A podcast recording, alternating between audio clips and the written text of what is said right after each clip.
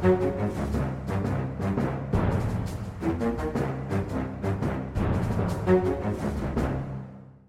drar vel på, gjør vi ikke det? Velkommen til en ny uke med Aftenpodden. En spesialsending i forbindelse med statsbudsjettet.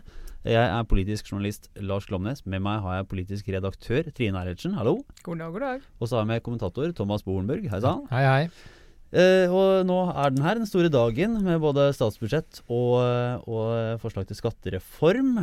Eh, du sitter her, Trine, inne i det lille studioet vårt med, med litt papirer som du har vært rundt Ja. og henta og båret på, og, og det som regnes som et eh, klenodie i visse kretser. Hva Kan du fortelle hva du sitter og holder på nå? Ja, jeg sitter og holder på en brøkdel av alle budsjettpapirene. Det er jo veldig mange. Og fordi det er så mange, så har eh, Finansdepartementet i sin godhet laget en pose.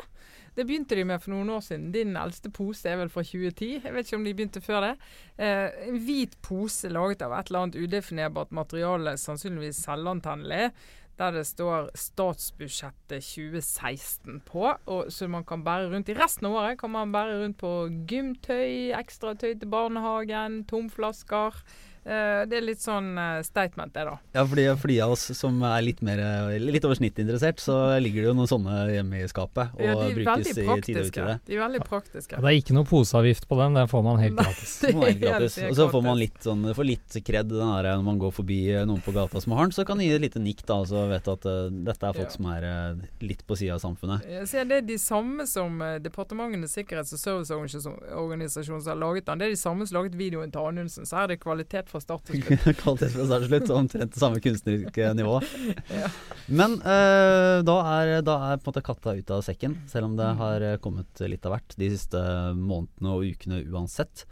Uh, noe av det som var mest spennende i fjor, uh, da var jo budsjettet og framleggelsen av det blå budsjettet på starten på et halvår med vonde tider for regjeringa, og egentlig også for sentrumspartiene, fordi de skal, uh, til, skal til Stortinget og forhandle. Eh, Thomas, du har vært rundt på Stortinget i dag. Eh, Kan du ikke si litt om hvordan budsjettet har blitt mottatt av eh, de som, de som må bli enige? Av de som må bli enige, så har det blitt godt mottatt. I fjor så var det jo mange av forslagene som provoserte KrF og Venstre. Formuesskatt ble høyt prioritert. Eh, Det var et problem for KrF. Eh, Det var et dårlig miljøbudsjett. Eh, Terje Breivik gikk på talerstolen med en gang i debatten i fjor og var kraftig provosert. Det var en helt annen tone i Stortinget i dag. Idyllisk, vil jeg langt på vei si. Hans Olav Syversen han sa han gledet seg til en vennskapskamp.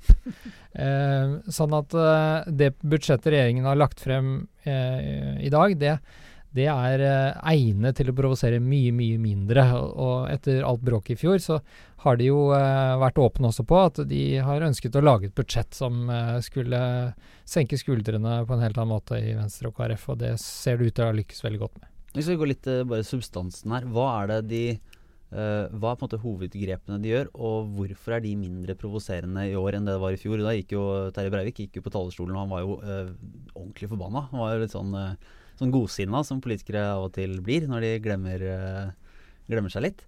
Men uh, hvorfor, var det ikke, hvorfor var det ikke sånn Hvis vi eh, ser på skatt, så, så er jo lettelsen i formuesskatten mye mindre i år. Uh, og det, uh, det er et bredt flertall for på Stortinget, nemlig å redusere selskapsskatten, og med den også personskatten. Det er det man prioriterer. Så sånn sett så er liksom skattedelen mindre egnet til å provosere. Og så bruker de jo mye penger på nesten alle områder. Eh, noen er veldig fornøyde på forskning, på helse, på kunnskap, og det er ingen som er ordentlig misfornøyde. Og så er det en del sånn eh, provokasjoner på litt sånn mindre saker, sånn kutt i bevilgninger til folkeskoler og sånn, som, eh, som eh, kom i fjor, som provoserte enten Venstre og KrF, og i år og pressestøtte og en del andre sånne saker. Det virker som regjeringen har eh, lagt seg på en helt annen strategi i år, og rett og slett vært opptatt av å provosere de så litt som mulig. Og så har de valgt eh, Altså, de går inn for en del eh, skatteendringer, skattelettelser i skattereformen. Men de har jo ikke gått inn i noen av fradragene. Altså Scheel-utvalget, som var utgangspunktet for eh, Lagde underlagsmateriale for denne skattereformen i fjor. Eh, de foreslo jo at ja, vi foreslår en del skatteletter for eh, personinntekt, for bedrifter, eh, selskap, men vi må ta det inn igjen noen steder. Vi må få kutte en haug med fradrag. Og Hadde regjeringen gått inn og begynt å, å røske litt i de fradragene, så hadde det blitt litt mer temperatur. For det, hver fra, ethvert fradrag har en politiker som passer på det, eh, og da hadde de eh, ropt eh, mye høyere. Jeg synes Et godt eksempel på det er BSU, hvor Scheel Utvalget foreslo å droppe BSU-ordningen som et av flere fradrag han ønsket å ta livet av. Og regjeringen følger det opp med å øke eh, taket for hva man kan spare på BSU fra 200 000 til 300 000. Mm. Eh, som er et, sånn, et, eksempel på at man eh, har valgt smørsida på mange måter av den skattereformen. Men er det, er det nå det vi ser nå, er det litt sånn kua Høyre og Frp som har blitt piska inn i realitetene av det vanskelige fjoråret, og dermed leverer fra seg litt sånn eh, bløt versjon av sin egen politikk? Det er en snillere versjon. Eh, jeg vil si at det også er eh, bedre politisk håndverk, fordi at eh, de betalte en veldig høy politisk pris i fjor. Eh, men det er klart at de, eh, Høyre og Frp, i mange år kritiserte Stoltenberg II-regjeringen for budsjetter hvor alle fikk mye. Det var en regjering som ikke evnet å prioritere. Det var Erna Solbergs gjennomgangsmelodi i kritikken av Stoltenbergs budsjetter. Og et stykke på vei har hun nå selv lagt fram et budsjett hvor alle får. Noen får litt mer enn andre, men det er et mye snillere budsjett enn i fjor. Og så var jo taktikken uh, i fjor var jo å starte litt uh, ute i det ene hjørnet. Uh, vel vitende om at de måtte finne noen kompromisser med KrF og Venstre inn mot midten et sted. Um, og det gjorde jo at KrF og Venstre opp opplevde de nesten som litt sånn høyreekstreme, hvis du kan kalle de det i budsjettpolitikken. Eh, de måtte kjempe veldig bare for å få de tilbake igjen på et sånt eh, mellomnivå. Mens i år har jo regjeringen startet mye tettere opp mot de. Men så er det jo også det at det, det er jo et ekspansivt budsjett, som det heter i budsjett- og politikkretser. Det er jo et, eh, et budsjett som virkelig svulmer av penger. Det svulmer av oljepenger. Det er få kutt å snakke om. Uh, og et sånt budsjett, uh, og det kan du begrunne med at vi er inne i en, uh, i en vanskelig økonomisk situasjon. og det er ingen på Stortinget nå som er imot at regjeringen skal satse mye på forskning, satse på tiltak mot arbeidsledighet, øke antall tiltaksplasser. Altså gjøre alt for å kunne møte denne omstillingen på kort og på lang sikt. sånn at det, Med en gang du har et ekspansivt budsjett, så blir det min, mindre diskusjon om budsjettet. Du har noen stemmer. Terje Breivik i Venstre var inne på det, og et par er jo inne på det. Regjeringen bruker forferdelig mye oljepenger. Men det er ikke noe sånn For å si sånn, du greier ikke mobilisere det norske folk mot det. Det blir ikke sånn som i fjor med barnetillegg og formuesskatt, at du får noe temperatur og følelser rundt det. Det er litt sånn eh, økonomnerdpoeng. Så vi, vi, kommer sikkert til å skrive det i morgen. Ola kommer sikkert til å Ola Storeng kommer til å nevne det. Det kommer til å stå på lederplass i Aftenposten i morgen og et par andre steder.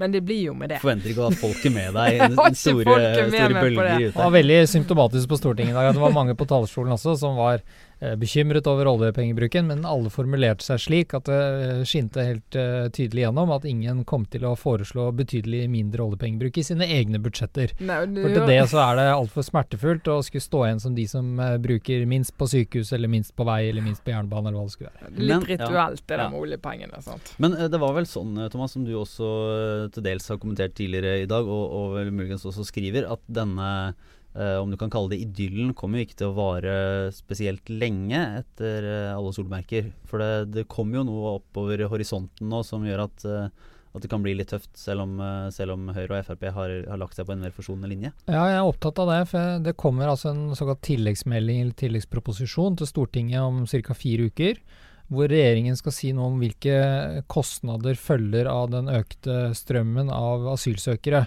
som vi ser i Norge nå, som vi kan forvente også neste år. Og, og regjeringskilder sier også at det vil eh, raskt være flere milliarder eh, det er eh, i økte utgifter neste år. Og det kommer som en ekstraregning si, inn fra sidelinjen eh, idet budsjettforhandlingene på Stortinget i finanskomiteen begynner 2.11. Eh, og da må eh, finanskomiteen enten eh, redusere utgiftene på andre områder for å finne rom til noe slikt. de må droppe en del skattekutt. De må øke oljepengebruken, eller de må finne budsjettriks, f.eks. å ta dette fra såkalte ymseposten, hvor det er satt av penger til uforutsette ting. Og alt det er vanskelig. Så altså det som virkelig kommer til å tror jeg, kjennetegne budsjettprosessen når vi kommer til den, når den begynner i Stortinget i november, så, eh, så tror jeg det er Syria. Det er ikke de si, mindre postene eh, grønt skifte, eh, bistand fram og tilbake mellom langsiktig og humanitær bistand, de tingene som støttepartiene er opptatt av nå. Jeg tror Syria-regningen det kommer til å være det, liksom det dominerende temaet når vi kommer til november. Hvis den blir så stor som det vi nå forventer. Og den, den, kommer jo. Nå sier jo UDI de øker jo estimatene um, uke for uke. Altså, da dette budsjettet ble ferdigstilt, så snakket jo de om mellom 10 og 15 000 uh, ekstra personer, uh, altså asylsøkere, på toppen av de uh, 8000 uh, kvoteflyktningene vi har planlagt for de neste tre årene. Uh, nå snakker de om både 40 50 og 60 000. Uh, og da snakker vi, Det er det tallet som gjør at den diskusjonen vi hadde om 8000 nivåer fremstår nærmest rørende naiv. Uh, og dette er mennesker som kommer. De fleste av de som kommer er fra Syria. De har rett på opphold. Vi må ta vare på dem på en eller annen måte. Uh, så de pengene er ikke noe du kan velge vekk når de, den regningen kommer, uh, og bare si at nei, vi har ikke lyst til å gjøre det. Så den, den saken blir tøff. Det Thomas har helt rett i. Snakket med kilder i mange av partiene i dag, og, og det er gjennomgående sånn at alle sier at dette vet vi at kommer. Vi gruer oss fælt. Vi vet ikke hvordan vi skal håndtere det. Eh, så dette er en problemstilling som, som man eh, ja, Det er tog man vet kommer. Eh, man står på skinnet. Eh, man vet man blir truffet av det, men det virker gjennomgående sånn at man ikke Ingen har en utviklet strategi for hvordan de skal håndtere dette. Verken i sine alternative budsjetter, Arbeiderpartiet og opposisjonens del, eller for de borgerlige partiene som skal finne sammen. Så, så det er det store spenningsmomentet i øst. Men er det, er det, naturlig å tenke at eh, de skattekuttene man har sett nå kommer til å bli reversert? At det er der det er lettest å finne pengene, og, og, og da er det presses gjennom endringer? Det, ja, det hadde vært mye lettere i fjor, for da kunne man reversert kutt i formuesskatt og sagt at vi venter med det. Men nå starter man altså en skattereform som, hvor selskapsskatt og personskatt eh, henger sammen. Og det å altså, annullere starten på den reformen, som det er bred enighet om, som følge av hensynet til uh, flere flyktninger som kommer til Norge, det tror jeg er, er, vanskelig for mange, men det er jo veldig vanskelig for Frp og Høyre. Um, også, men, så, så, jeg tror den idyllen vi nå ser, det vil gjøre at de ulike partiene vil ha ulike løsninger på hvordan de skal finne inndekning for den Syria-regningen.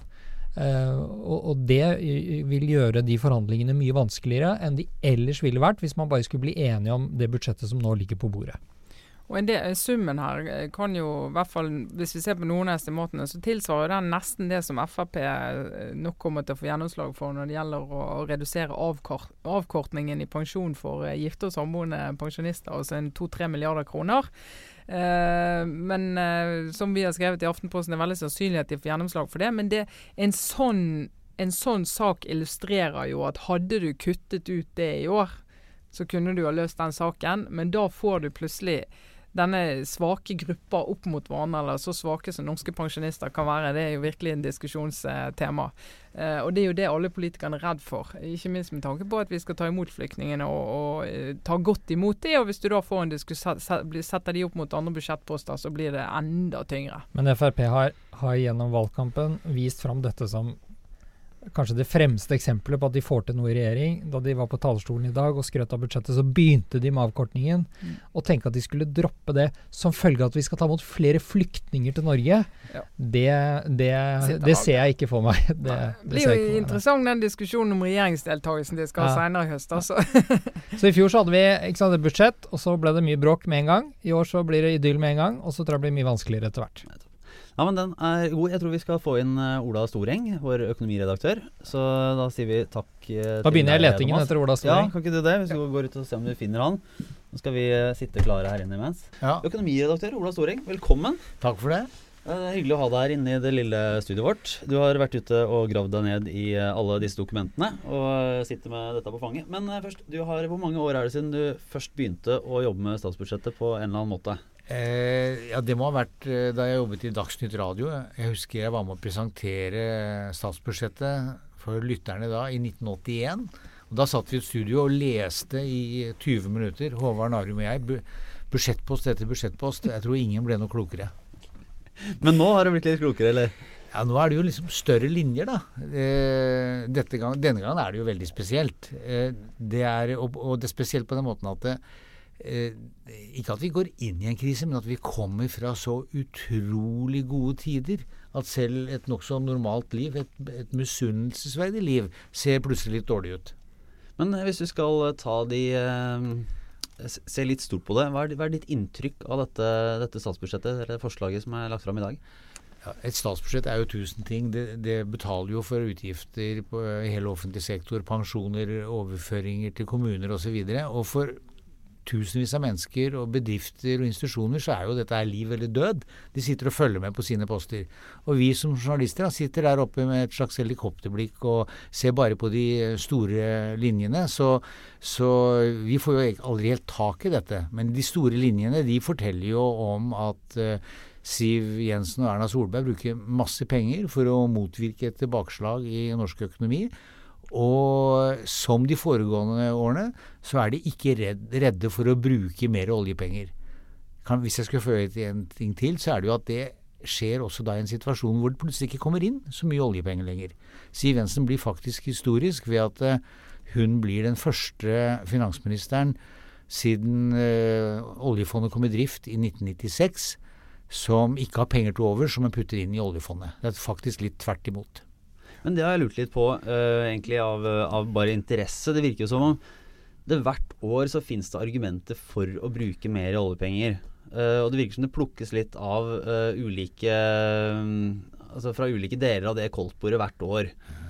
Altså, er det, er det reelt all, hvert år at, at, det er gode grunner til å bruke mer penger? Eller er det bare at man velger de argumentene som tilsier at man skal bruke mer penger fordi det er bekvemmelig? Det er klart det er gode grunner. Det er bedre til og med enn for mitt husholdningsbudsjett. Det er alltid gode formål som ikke får nok eh, penger. Så, men i de fleste land så støter jo dette her mot eh, befolkningens vilje til å betale skatt. Vil de ha mer stat, eller så støter de mot uh, statens mulighet for å låne mer i utlandet. Vi har jo ikke de grensene, for vi, vi har jo faktisk vært såpass flinke at vi har uh, fylt opp spare, sparebøssa, har masse penger. Så det er jo uh, det er noen som sier at det kreves god moral for å selge strikk i metervis, og sånn er det omtrent å være norsk finansminister. Og så er det jo meningen at de skal brukes, disse pengene. da. Det har jo vært meningen hele tiden. Vi skal ha dem på fondet, vi skal bruke en liten andel.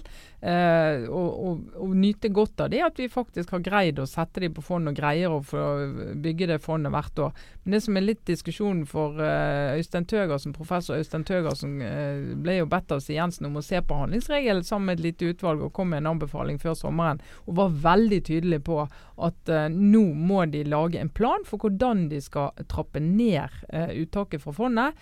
Og venne oss til i norsk økonomi at vi ikke har den der evige økningen som vi har nå, med en rekord i år. da. Ja, men du vet Trine, dette er Norge, så det er ikke snakk om å trappe ned uttaket fra fondet. Det er snakk om å trappe ned økningen i økningen uttaket. I uttaket. Verre blir det, ikke det, det. I, eh, i uh, dette landet. Men du har selvsagt rett. Fondet er til for å brukes. Oljepengene er til for å brukes. Men planen har jo vært at uh, det skulle spres over noen generasjoner. Da. og da, da, må man være litt uh, forsiktig. Og så kan vi si at den egentlige grunnen til at vi har oljefondet, vil jeg si, det er jo at uh, vi står overfor en historisk eldrebølge av voldsomme dimensjoner som gjør at vi trenger penger i fremtiden. Mens de store inntektene kommer nå. Det finnes jo knapt noe land hvor det er så stor forskjell på de økonomiske utsiktene på kort sikt og på lang sikt. Vi bader i penger nå, men vi trenger dem senere. Er det, Når man ser på budsjettet, er det noen på en måte, klare vinnere og tapere å se? Det er jo alltid en litt sånn vanskelig øvelse, og særlig på første dag. Eh, men jeg har er jo lov å spørre for det. Er, jeg tror, noen som har tror Trine så på dette før i dag, tror jeg. ja, vi kikket litt på det. Så det er klart Samferdsel har jo vært en budsjettvinner de siste årene. Både fra den rød-grønne regjeringen og den blå eh, som har det som Og det, de argumenterer jo også godt for det. altså. Det er jo å satse på samferdsel, infrastruktur. Eh, der kan du bruke både det grønne skifteargumentet når du satser på jernbane, og du kan bruke infrastruktur og omstillingsargumenter når du satser på vei. Så der er, virker det som om det er utømmelige ressurser egentlig inn i den sektoren. Helse, sykehus, god økning.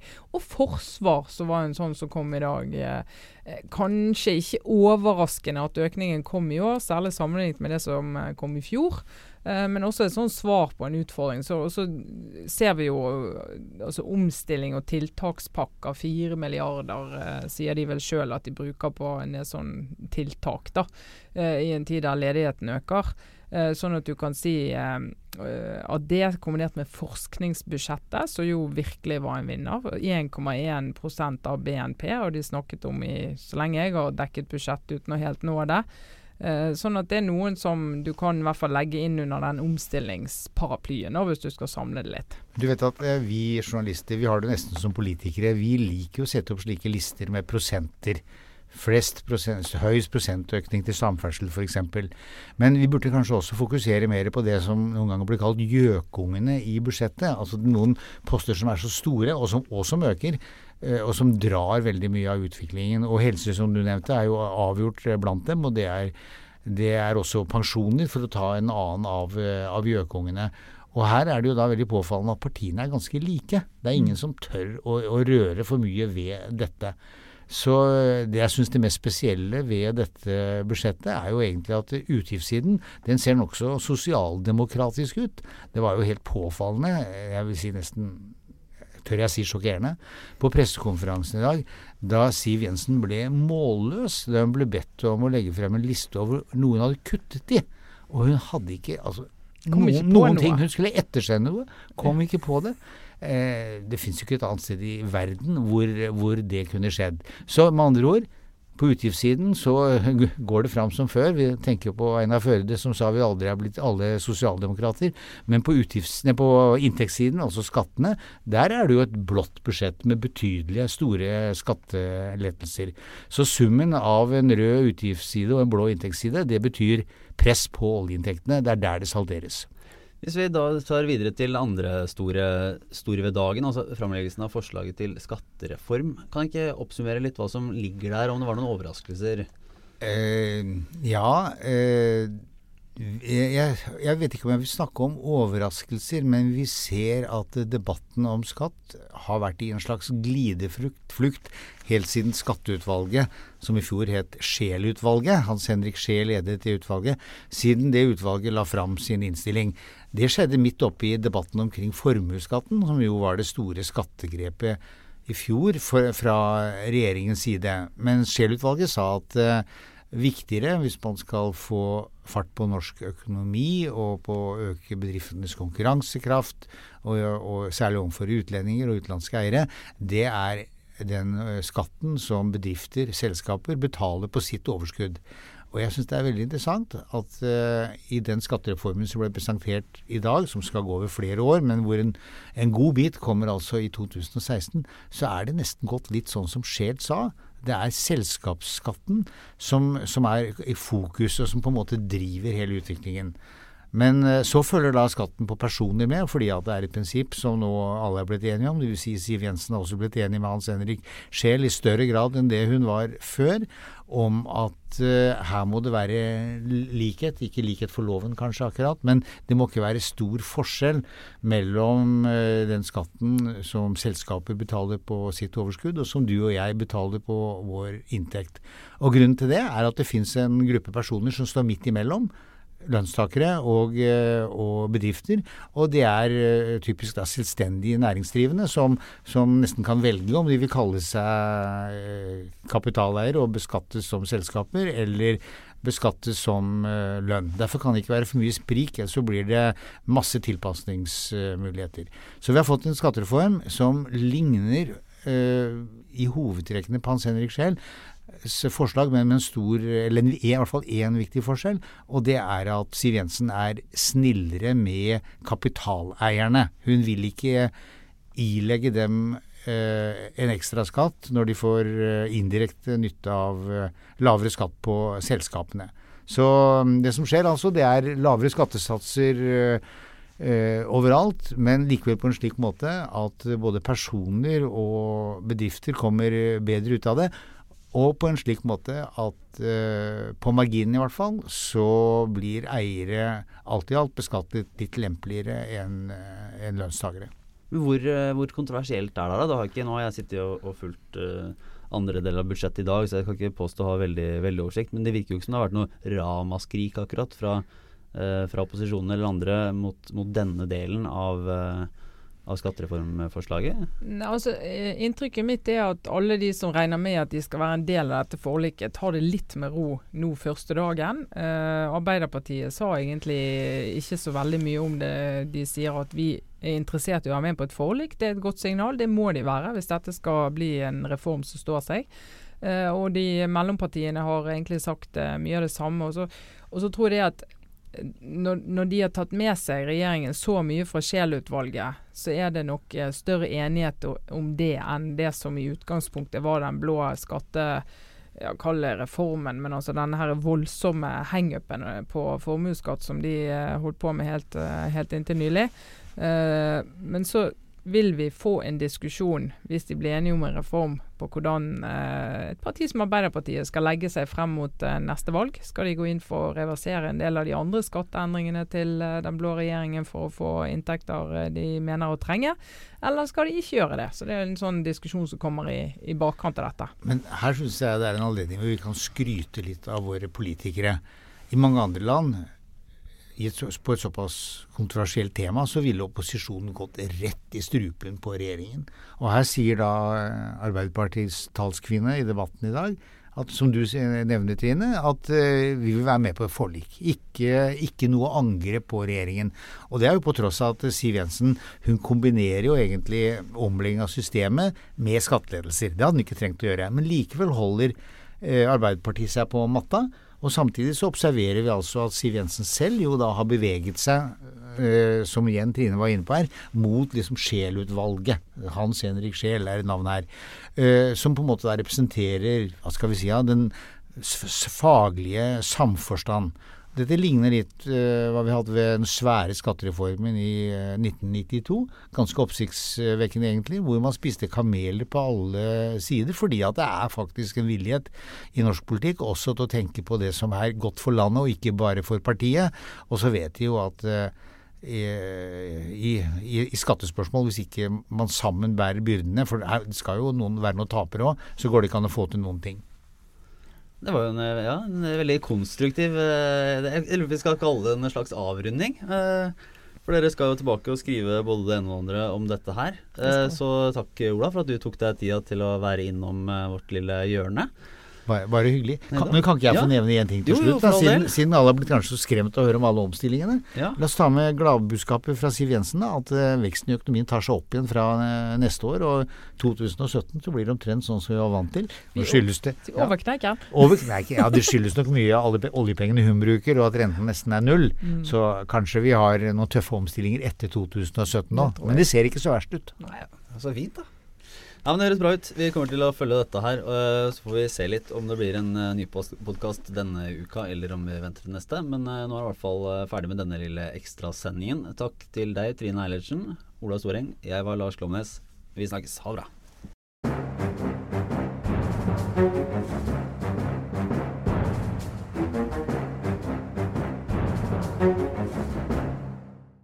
Ja, og så kan vi ta med en liten ekstra beskjed. Hvis du hørte på podkasten denne uken i iTunes, så kan du jo også gå inn og abonnere.